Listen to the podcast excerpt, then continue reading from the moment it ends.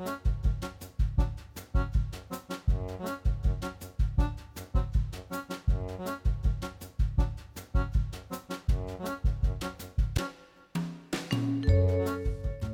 og sæl og velkomin í mannlega þáttinn. Í dag er þriðju dagur og það er 11. oktober. Og uh, 1977 á þessum degi fóru ofinberi stafsmenn BSRB í sitt fyrsta verkfall og samið var hálfum mánuði síðar. Svo er að þessum degi árið 1986 leiðtóafundurinn í höfða. Rónald Reykján og Mikael Gorbachev hittust í Reykjavík og rættu um fækkun kjarnorku vopna. Fyrsta konan var kosin fórseti saminaðs alþingis og það var Guðrún Helgadóttir. Það var á þessum degi 1988. Svo er á þessum degi árið 1991 sem að íslenska landsliði Brits sigraði á heimsmestaramóti í Japan þar sem að tákn sigusins var hinn fræga Bermútaskál. Og svo var það bankarhunni 2008 fyrstu mótmælinn í búsáhaldabildingunni fóru fram á Östurvelli. Já, Og yfir í efni þáttans í dag. Eh, bókin Magamissir er ný komin út. Hún er skrifið á Guðfinnu Eidal og önnu Ingólstóttur og er meðal annars byggð á reynslu þeirra af því að missa maga. Bókin veitir insýnin í líf einstaklinga þegar magi þeirra deyr auk þess sem hún er leiðavísir fyrir þau sem vilja kynna sér málefnið og sína stuðning og samkend. Og það er Guðfinna og Anna, Guðfinna og Anna ætla að koma til okkar hér á eftir og segja okkur betur frá þessari bók. Velíðan barna er ný útkomin eh, handbók fyrir foreldra og í hverjum kapla er að finna ímsan fróðleg og fjölbreyttar æfingar sem hafa það að markmiði að kenna börnum hagnýtar aðferðir til að ebla sig og styrkja og bókin er byggð á aðferðum jákvæðrar sálfræði. Eh, höfundarnir eru þrýr og tveir þeirra að koma hinga til okkar á eftir. Svo er það Elin Björk Jónasdóttir, viðfrængur, hún kemur til okkar í dag í mannlegt Eh, ég ætla að segja matarspjall, veðurspjall uh, hún er einstakt lag á því að útskýra hinn ímsu veðurfyrirbæri fyrir okkur sem ekki vitum jafn mikið og hún, í dag ætlar hún að tala um samfélagsleg áhrif veðurs uh, til dæmis hvað var þar viðvaranir hér á landi. Og hún útskýrir þetta betur fyrir okkur eftir. Já, en við byrjum á tónlist og það er bara svaka titill franska sósa og salat á þessum degi í bóði stumana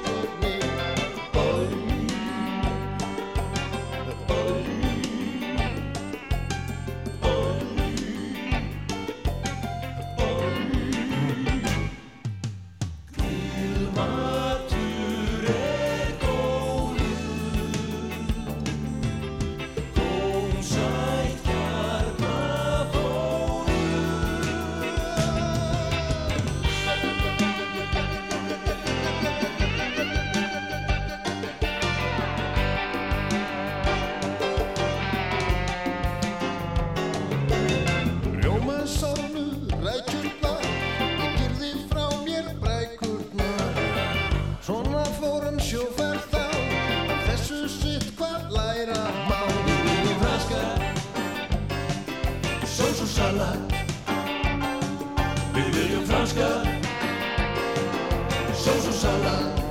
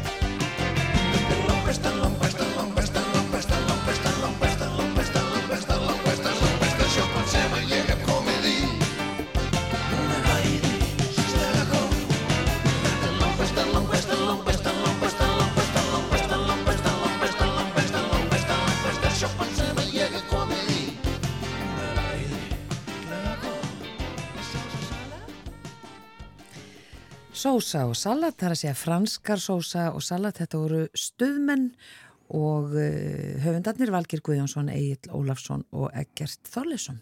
Já, uh, hingar konir góði gestir, Guðfinna Eidal og Anna Ingólstóttir því að ný útkomin er bókin Makamissir, komið sælar og velkomnar í manlega þáttin. Takk fyrir. Takk fyrir.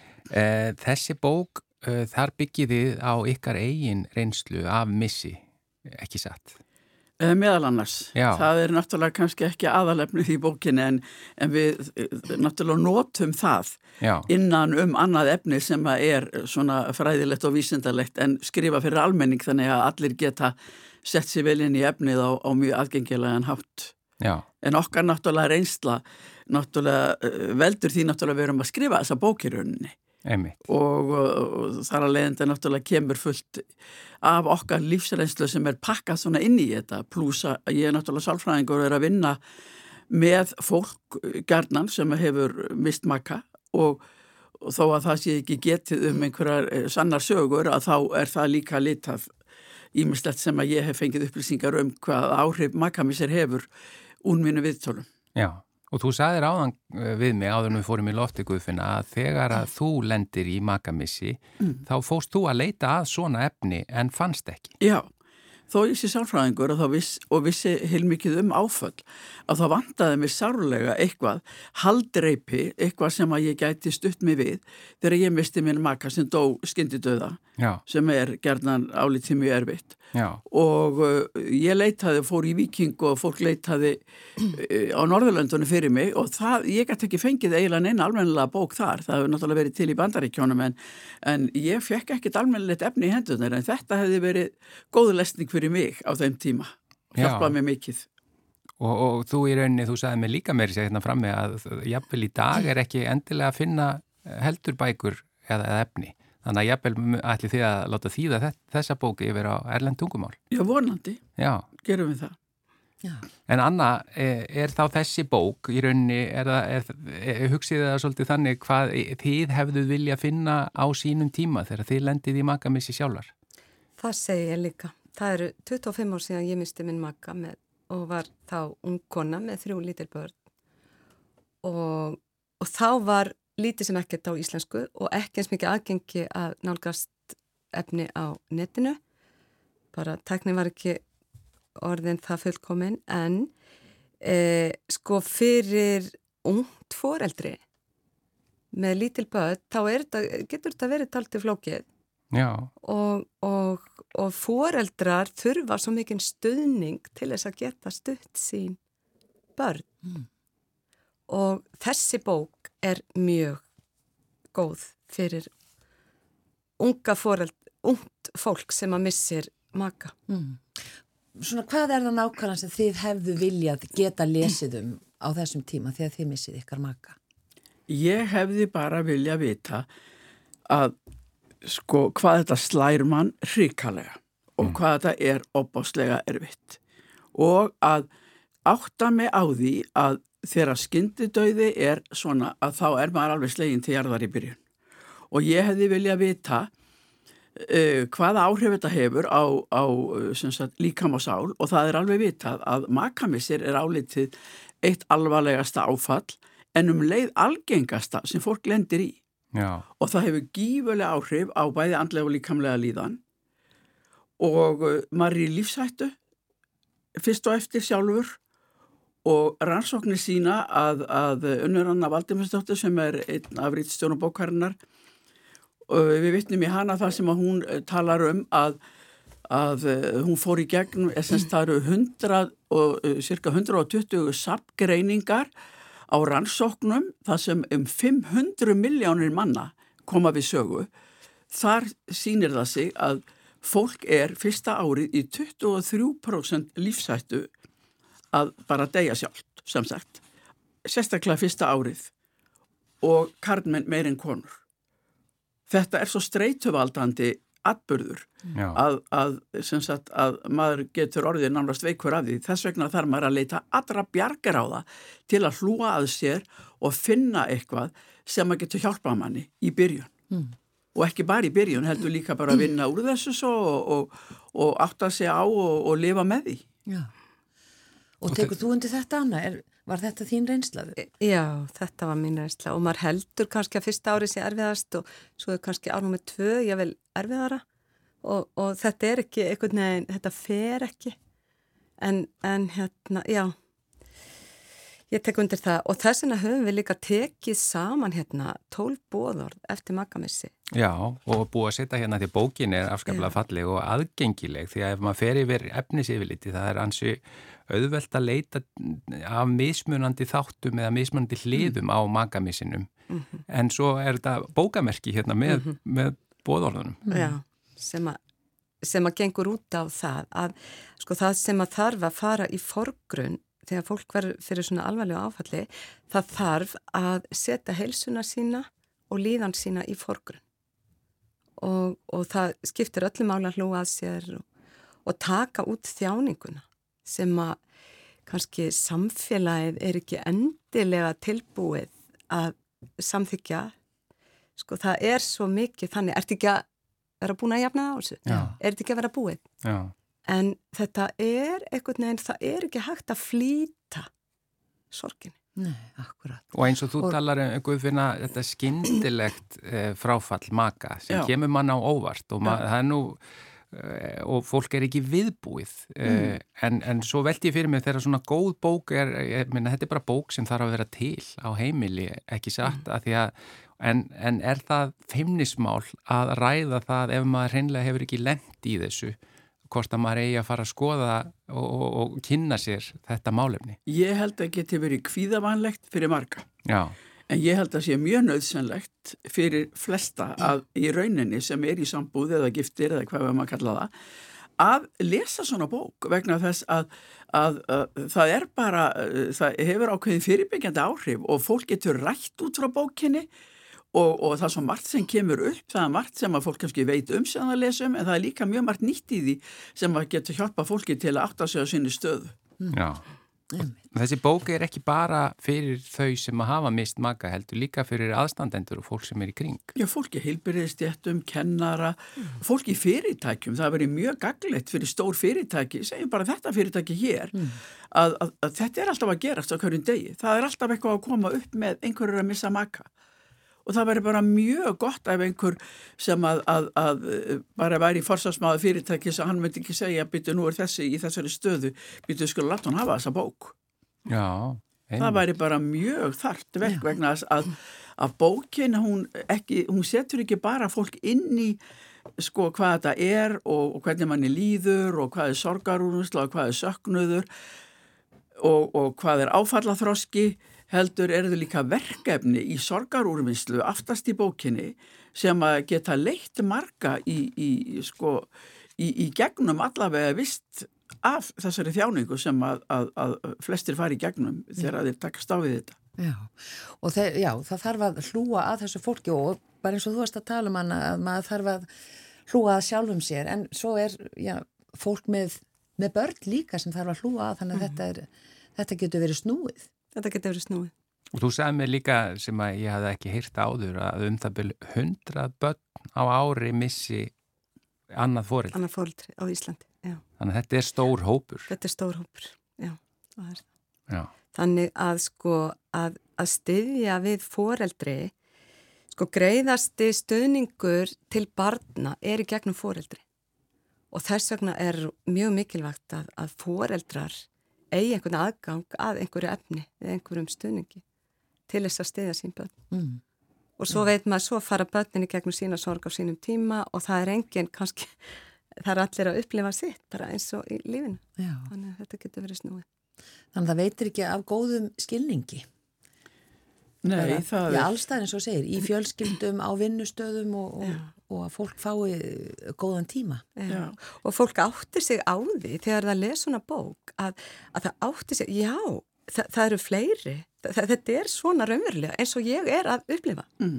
Af því að, að, að vísindin og reynsla, hún stemmir. Já, já akkurat. Mjög margir sem ég hef talað við hafa sagt að að þeir hef, þetta hafi verið svo miklu erfiðara en að þeir geta ímynda sér og auðvitað getur maður ekki ímynda sér oft eitthvað sem maður hefur ekki lend í.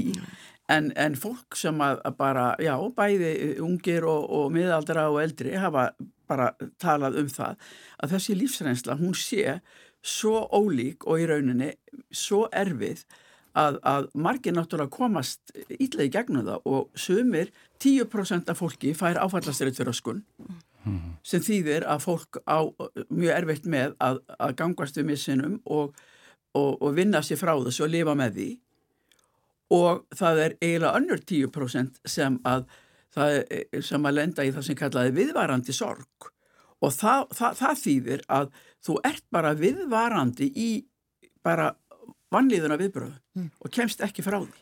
Ja. Og þetta er bara mjög alvarlegt, bæði þetta með að vera í lífsætti í byrjun og að svona stór hópur í rauninni lendi í áfættastrætturöskun og í viðverandi sorg. Mm. Það er bara stór alvarlegt mál og ætti í rauninni að vera samfélagslegt mál og það ætti í rauninni að vera eitthvað meira gert fyrirbyggjandi í sambandi við að hjálpa fólki í gegnum þetta. Þetta er að mínum að til mjög vannrægt málefni. Mm. Nú letir fólki fullt á öðrum áföllum en þetta er algengasta og alvarlegasta áfalli. Já. Sem talið er samkvæmt vísundaransóknum við mm. tölum um það og útskýrum það Já. af hverju það er. Mm. En þetta er sem sagt bókin Magamissir uh, og Guðfinna Eidal og Anna Ingolstóttir takk fyrir að koma í manlega þáttin og til hamingju og, og það er uh, útgáfu hóf ekki sett. Hvenar var það? Það er á fymtudaginn í hérna klukkan 5 í Eymundsson skólaversti. Já, við Þið eru bara velkomin. Þið eru velkomin. Takk fyrir það og ég held að það séu líka að tala við ykkur hlustundur. Þess sem vilja láta sér máli varða. Takk einnilega fyrir kominu í manlega þáttin. Já, takk, takk fyrir. Og þegar þú komst inn í líf mitt breytist ég, þú komst, þú komst við hjartað í mig. Ég þóri að mæta hverju sem er, þú komst, þú komst við hjartað í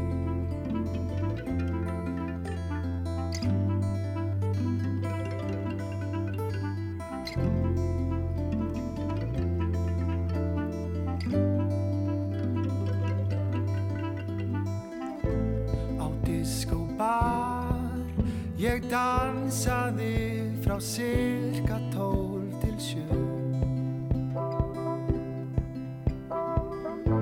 Við mættumst þar með hjörtun okkar brotin bæði tvö Ég var að leið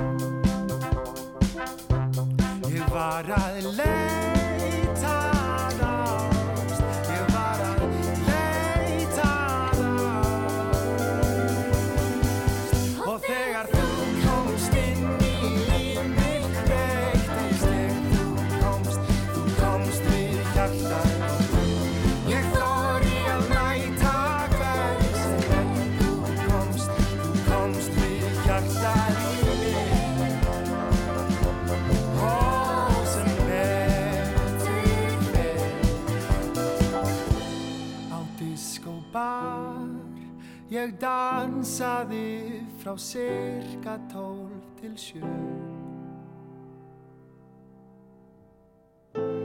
Við mættumst þar með hjörtun okkar brotin bæði Ég var að leita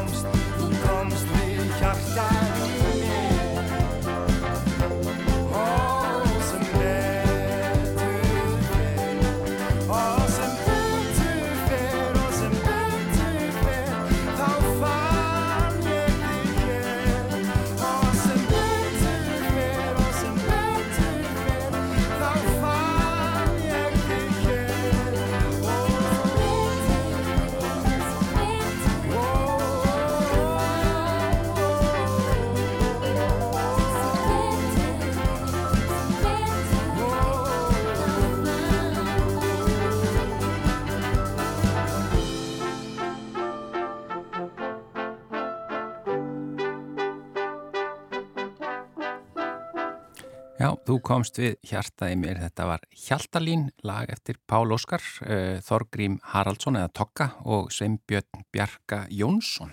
Já, og við ætlum núna næstu mínuturnar að ræða um nýjútkomna handbók fyrir foreldra sem heitir Velíðan barna og það er nú að finna ímsan fróðleik og til dæmis fjölbrettar æfingar sem hafa það að markmiði að kenna börnum hagnýtar aðferðir til að ebla sig og styrkja. Og bókin er byggð á aðferðum jákværar sálfræði og höfundarnir eru Rafnildur Sigurðardóttir, Unnur Arna Jónsdóttir en saman eru þær eða reyka þær hugar frelsi og svo er það Ingrid Kúlmann. Velkomnar, sem að þær er tvær síðast nefndur eru komnar hingað, Unnur Arna og Ingrid Kúlmann. Velkomnar. Takk fyrir. Segja okkur nú bara aðeins bara frá þessari bók. Sko þessi bók er í raun og veru gefin út til þess að styrkja fóreldra eins og komst inn á vegna þess að fóreldra hlutverkið er bara eitt mikilvægsta hlutverk sem við stöndum frammi fyrir og það getur tekið verulega á. Það galla fram allokkar styrkleika en ofta tíðan líka veikleika vegna þess að við erum ekkit alltaf vel fyrir kölluð og í bókin erum við að fara yfir einfaldar aðferðir sem geta gagnast bæði fóreldrum og börnum mm. til þess að auka veliðan, drást reytu, ebla þau á bara markvissan hátt vegna þess að það er mikið í gangi og við höfum fundið það mjög mikið á undarförnum árum að vanlíðan hefur aukist. Það er bara svo leys. Mm.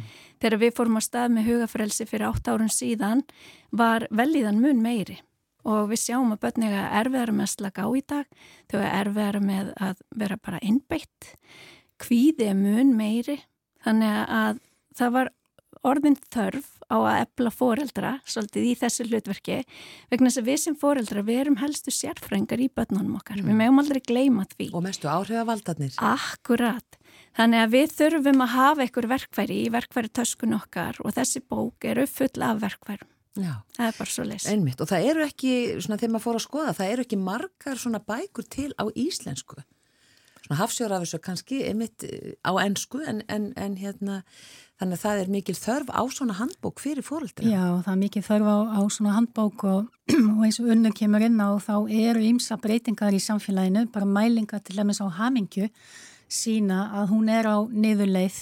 Það er svo mikil hraði í samfélaginu, áreiti út um allt, snjalltækin eru komin inn á heimilið, sérstaklega eftir COVID, við vorum þetta meira heima það var að vissuleiti mjög gott mm. að því við sáum þá í mælingum að gæðastundir voru að aukast og fólk talað um það. Við erum ekki að skuttla á æfingar eða í tónlistaskólan, heldur erum við heima að baka og spila og, og púsla. En svo bara um leið og COVID líkur þá er bara, sjáum við að, að já, við erum kannski að gleyma okkur svolítið á verðinum og þannig að tilgangur með þessari bóki líka auka gæðastundir, foreldra og barna með ýmsum hætti. Já, að þið kannski voru við líka í COVID heima öll í sikkur hodninu í símanum mhm, okkar, það er mm -hmm. kannski að þetta múna ansið langur tími, er það svona kannski Já, Já niður, er, eða sem sagt bara staðreind? Já, það er nefnilega staðreind og, og við finnum og heyrum frá foreldrum að þau hafa svolítið glemt sér á verðinum. Fyrir COVID var maður að minna börna að heyrðu, ertu nú ekki búin að vera aðeins svo mikið í snjáltækjónum í dag? En eftir COVID að þá var þetta norma því við þurftum ég að læra heima í gegnum tækin og við vorum að vinna í gegnum tækin heima. Þannig núna eru bara allir heima með tækin fyrir fram að sig og við gleymum okkur. Mm. Og við heyrum bara hjá foreldrum að börn eru að eigða kannski fjórum, fimm tímum á dag og allt upp í tól tíma. Og það er alveg norm hjá okkur þegar við erum að tala við unglinga 13-16 ára sem er að finna fyrir miklum kvíða og ég vil skora hátt á sjálfsmatskvörðum varðandi líðan að þar eru þau kannski að sofa 5-6 tíma á nóttu og eigða 8-12 tímum í snjáltækjum. Wow. Þannig að það er mjög mikil fylgni þarna á milli og þessin er mikilvægt að við sem foreldra við gleymum okkur ekki mm. og munum bara hvernig fyrirmynd við viljum vera Já, og þurfum að passa okkur sjálf Já. og af því að þetta COVID kom og, og þetta varð okkur bara í raun og veru pínu tamt, það er ljótt að segja það að þá þurfum við kannski bara eins og spól tilbaka Já. og fara að minna krakkan okkar á að lifa lífinu og það er ekki gegna þessi tæki vegna þess að þau draga svolítið úr uh, þau ítundir einangrun og ítundi vannvirkni og krakkanir upplifa mikla, mikinn einmannaleika og finna fyrir auk, aukinni vannliðan. Já, akkurat. Það er bara málið. Jákvæða sálfræðin, hún kemur hérna stert inn yngrid. Jú, við tölum í bókinni svolítið um, um meðal annars þakklæti, grósku, auðvitað styrkleika sem eru helsta verkfærið sem við höfum og einmitt bara hvernig við getum skapað velíðan. Það er svolítið það sem jákvæða sálfræðin gengur út á, ekki að dragu vanlíðan, heldur fyrst og kannski að auka velíðan með ýmsum hætti og vera með frábærar æfingar í bókinni til dæmis eh, ein æfing eh, heitir Hamingju kveikjur og þar erum við svolítið að, að um, láta börnin uh, velta fyrir sér hvað gefur þeim gleði og velíðan í herberginu. Þetta getur verið bara mynd af um og afa eða uh, minningar úr sumafrí til nefnir skelljar sem að þau dýndu á ströndinni, kannski gítar, bangsi, bara hvað veitir okkur velíðan og gefur okkur svona hamingju tilfinningu.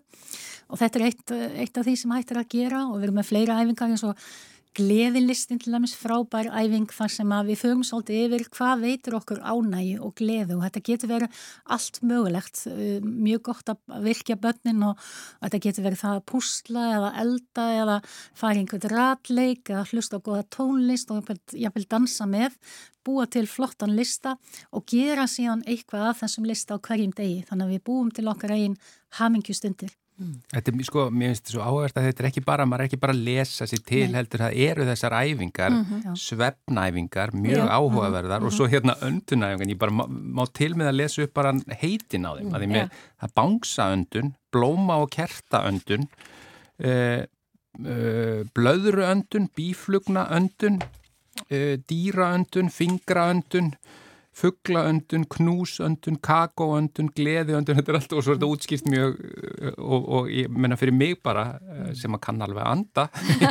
Þetta er samt mjög áhugaverðar hérna öndunaræfingar sko, bara til að með margvíslegum líklega tilgangi Já, eða- og öndun er náttúrulega akkirið okkar. Og þegar kemur að velíðan þá er öndun líki latriði og við til dæmis leitum til ímissa sérfræðinga í bókinni líka eins og þú nefndir svefn að þar leitum við til Erlu Björs og hún skrifar þar lítinn kapla um svefn.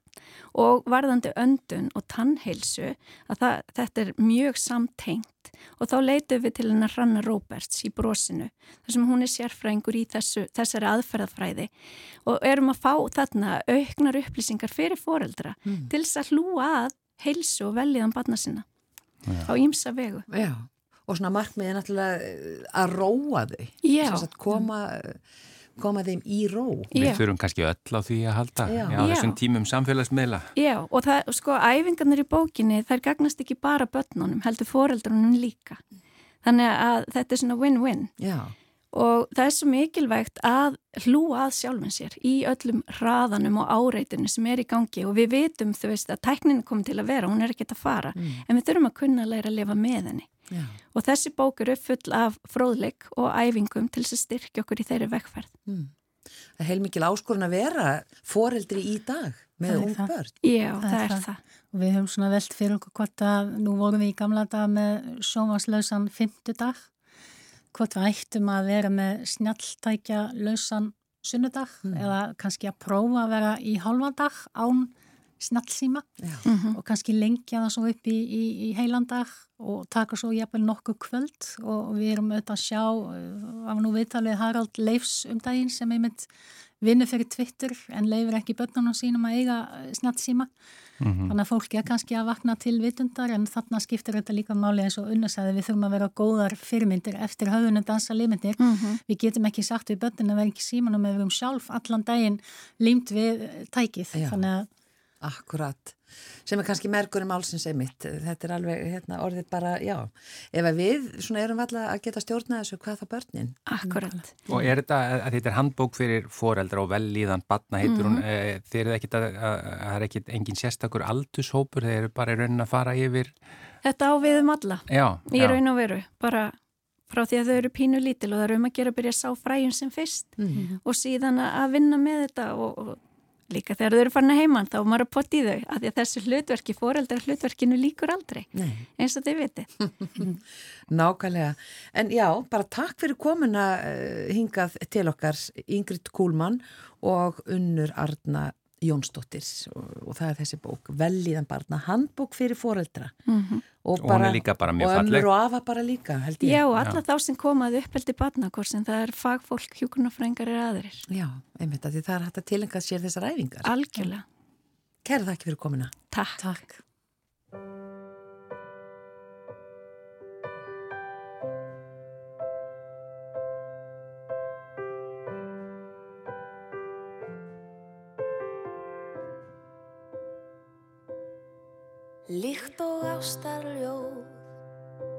Sem enginn fjekk að njóta. Eins og gulnað blað sem geymir óræð orð. Eins og gömul hefð sem búið er að brjóta. Þar er ég, þar er þú, þar er allt það sem ástinn okkur gaf. Þannig týnist tíminn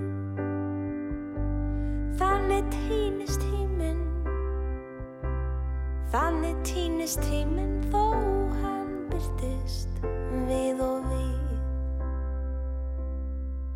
Líkt og sumar ást sem aldrei náða blómstra. Líkt og trega tár sem geymir falleg brós Þarna er gömul mynd sem sínir gladar stundir. Þar er ég, þar er þú, þar er allt það sem ástinn okkur gaf. Þannig týnist tíminn, þannig týnist tíminn, þannig týnist tíminn þó hann byrtist við og við. Þannig týnist tíminn Þannig týnist tíminn Þannig týnist tíminn þó hann byrtist við og við. Líkt og mynd sem bjó í vonarlandi þínu. Eins og esku þrá sem lifnar við og við. Býr þar sektar kend sem ennþá næra særa Þar er ég, þar er þú, þar er allt það sem ástinn okkur gaf. Þannig týnist tíminn. Þannig týnist tíminn. Þannig týnist tíminn þó hann byrtist við og við. Þannig týnist tíminn. Þannig týnist tíminn Þannig týnist tíminn þó hann byrtist við og við. Líkt og ástarljóð sem enginn fær að njóta. Endar sem gulnað blað er geymir óræð orð. Eins og gamalt heit sem búið er að brjóta Þar er ég, þar er þú, þar er alltaf sem ástinn okkur gaf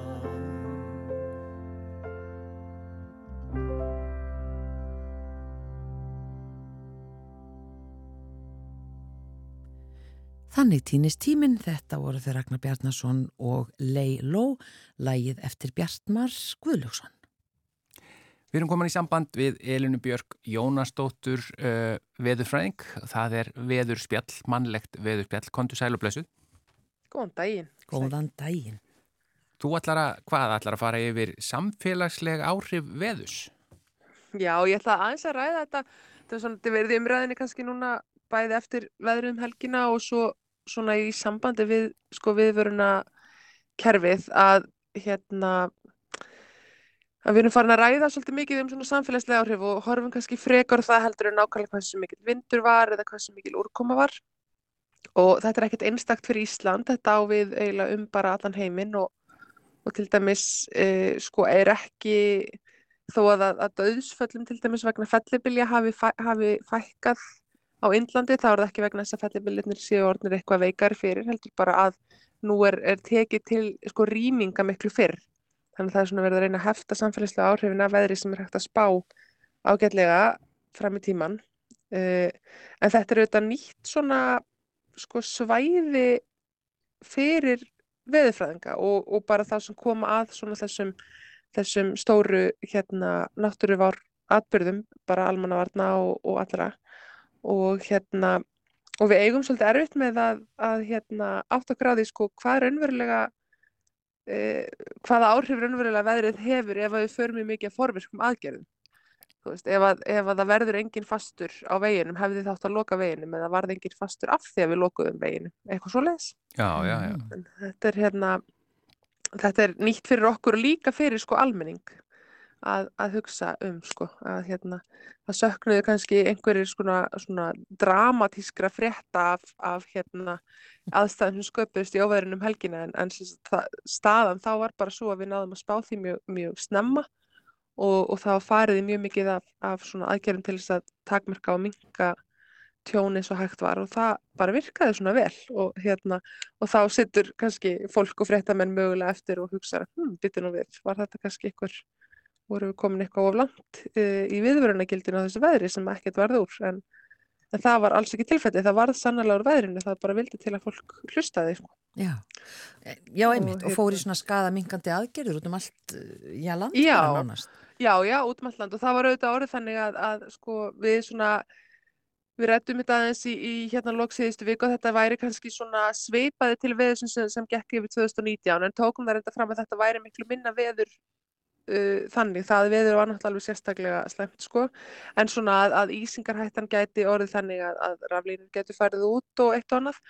Og þá auðvitað kom sér vel að það var farið í alveg svona sérstakt áttak til þess að styrkja rafverkunkerfið eftir 2019 veðrið.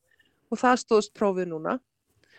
Uh, og svo horfum við bara á þetta svona víða um heim að þetta er í raun og verið það sama. Þú veist það er verið að hérna að rýma svæði miklu fyrir og, og hérna og svona draga úr, úr áhrifum. Það er til dæmis hérna alveg að vassból mengast mjög hratt uh, til dæmis út af fellibiljum þannig að eitt af því sko allra fyrsta sem er gert þegar er hérna uh, þegar fellibiljum er spáð er það er bara eru vassbyrðir fluttar á staðin þið veitir fólkið flutti burtu og svo er einhverju svona bjargir fluttar á staðin uh, og þetta er svona þessi samþætting um, bæði viðvarana og, og hérna og vísinda sem hefur átt sér stað kannski síðustu svona tíu árin og hefur breytt heil miklu í þessum svona heimi, þessum náttúruhanfra heimi og veitir auðvitað ekkert af því það er alltaf að verða tíðari sko.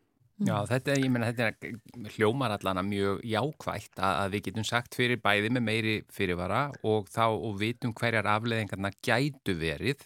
Einmitt, þannig að það er þetta bregðast við bæði fyrr og betur. Já, og svo getur nú verið erfitt, sko, það er eins gott að koma að þessu einhverju fleiri, sko, við kvallum til til dæmis almannavarnir og, og einhverja frá vegagerðinu og einhverja frá orkufyrirtækjunum og björgunarsvötunum að því að ég sem veðurfræðingur á vakt, sko, get kannski ekkit ímynda mér allt sem getur farið úrskeiðis í einu svona veðri. Veist, minn reynslu heimur, heimur nær bara svo og svo langt, ég geng á fjöll og get ímynda mér að það væri mjög vant að vera fjöllum á þessum tíma þú veist en ég er ekki í jeppaferðum eða, eða vinn við, við raforku framlegslu eða, eða afhendingu þannig ég veit ekki hvað svona viður gerir í svoleiðis sko tilfellum Já. og það sama þetta á við um, um starri atbyrði og, og bara eins og þau veit úrkomi og skriðu og eldgoss og allt þetta að hérna að það, það, það þarf að kalla til miklu fleiri og það hefur gengið mjög vel og hefur svona verið hérna e, það sem að bæði alþjóða viðmálastofnunin og fleiri hafa sem sagt e, svona lagt áherslu á að, að við séum ekki einhvern veginn öll í okkur svona vísinda kassa og, og hugsaum ekkit út fyrir hann sko heldur reynum að draga að okkur fólk og, og, hérna, og þekkingu sko, svona viðsverð annar staðar úr samfélaginu til þess að, að, hérna, að þjónustan við almenning verði sem best Mm. Já.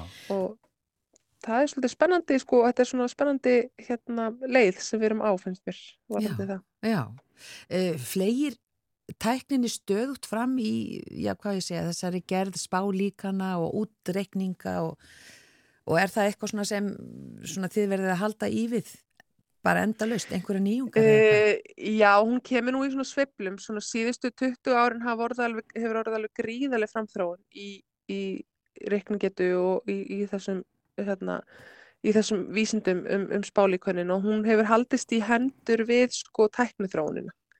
Eftir því sem tölfur verða upplugri því meira getur við gert og því þess vegna hefur sagt, meira og meira alltaf verið hérna uh, unnið þá í, í þessum líkönum líka.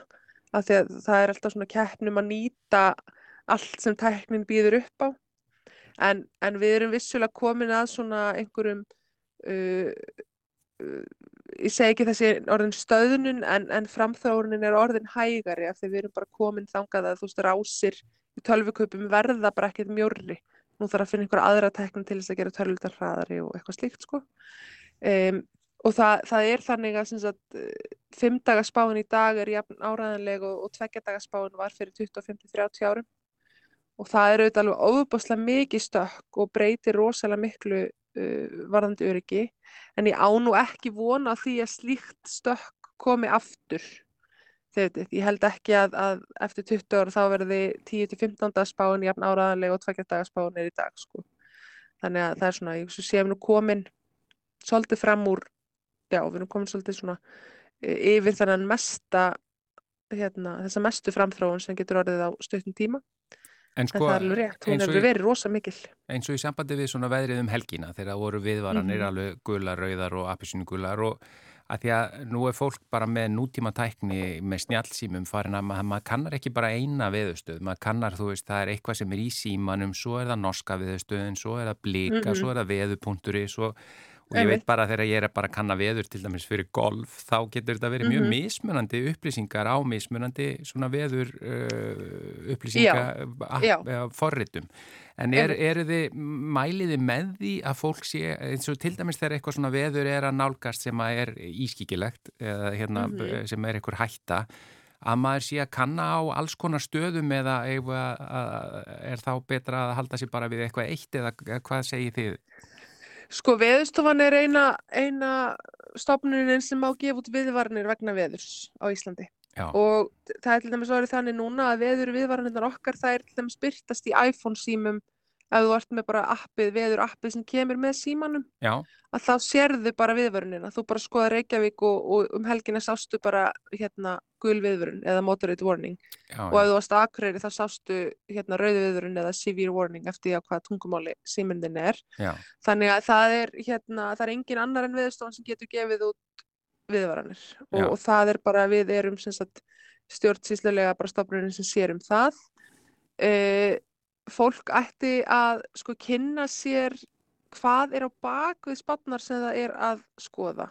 Af því að til dæmis með norsku viðstofuna að hún er að nota sömu spá og við erum að nota já, á veðurstofunni, þú veist, frá Európreknum viðstöðinni, uh, en hún er í annar upplaust og til dæmis þegar að þið kemur að það sé mjög svona um, staðbundin veður uh, eða vondu veður sem eru, eru staðbundin, að þá nær svo spá ekki að sína það því hún er bara á grófari skala heldur en, en spáin á, hjá veðurstofunni. Og svo eru blika á belgingur og það er hægt að velja um mismundi líkon og, og veðurstofan sem sagt notar engöngu þau líkun sem skora hvað best Mm. en, en það getur auðvitað verið sérstaklega þegar það er í raun og veru ekkit að veðri eða svona þegar þú ert bara að spá í hvort það verið tveir eða þrýr metrar eða, eða smávæta eða aðeins meiri að þá skiptir kannski ekki öllum máli hvaða háupplösna líkan þú ert að nota þau ættu öll að vera alveg þokkaleg en þegar að því kemur að það er hættulegt í kortunum þá mæli ég eindreið með því að fólk lesi ofnbæra veðurspor frá veðurstofni og, og þessar viðvarnir því það er í raun og veru við erum eina fólkið sem að þarf að, standa raunveruleg skil á þessu og, og sína sko einhver ábyrð í því hvernig, hvernig staðan er sko. Og þetta með að viðvarannar sjáist til dæmis eins og segir í veðurappinu á iPhone, það er gríðilega mm -hmm. mikilvægt það ekki fyrir ferðafólk sem er á Jú, landinu. Og, og sagt, þau sem eru með Android síma þau eru oft með sko, veðurupplýsingar frá fyrirtæki í bandaríkjana sem heitir AccuWeather og þau sína líka sagt, viðvaranirnar okkar.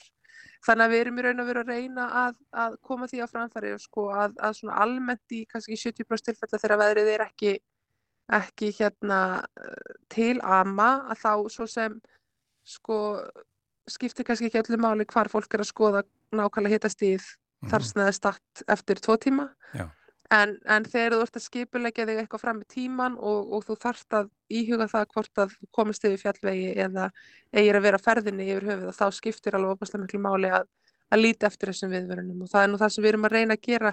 Það er að efla þessa miðlun bæðu þetta til til Íslandinga og, og þeirra sem búa í Íslandi uh, og svo líka til sagt, ferðamanna sem koma hingað og búa ekki hérna. uh, og kannast þá kannski ekki við þegar þið trúaði ekki hvað, hvað þeirri getur orðið vond og annars líkt sko. Já. Takk kærlega fyrir þetta Elin Björk Jónastóttir, veðurfræðingur. Þetta var veðurspjall dagsins. Takk sem leiðis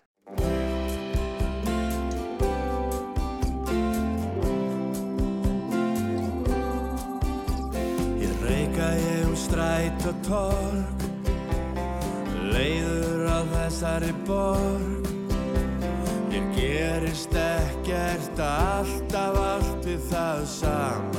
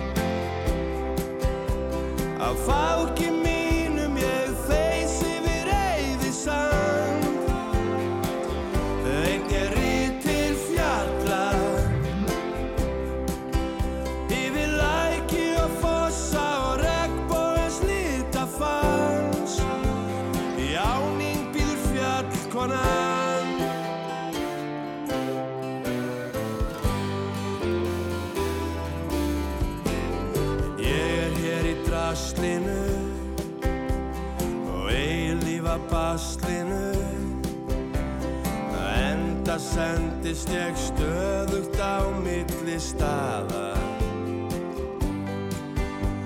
Ég held þetta ekki lengur út. Ég er að drukna í sorg og sút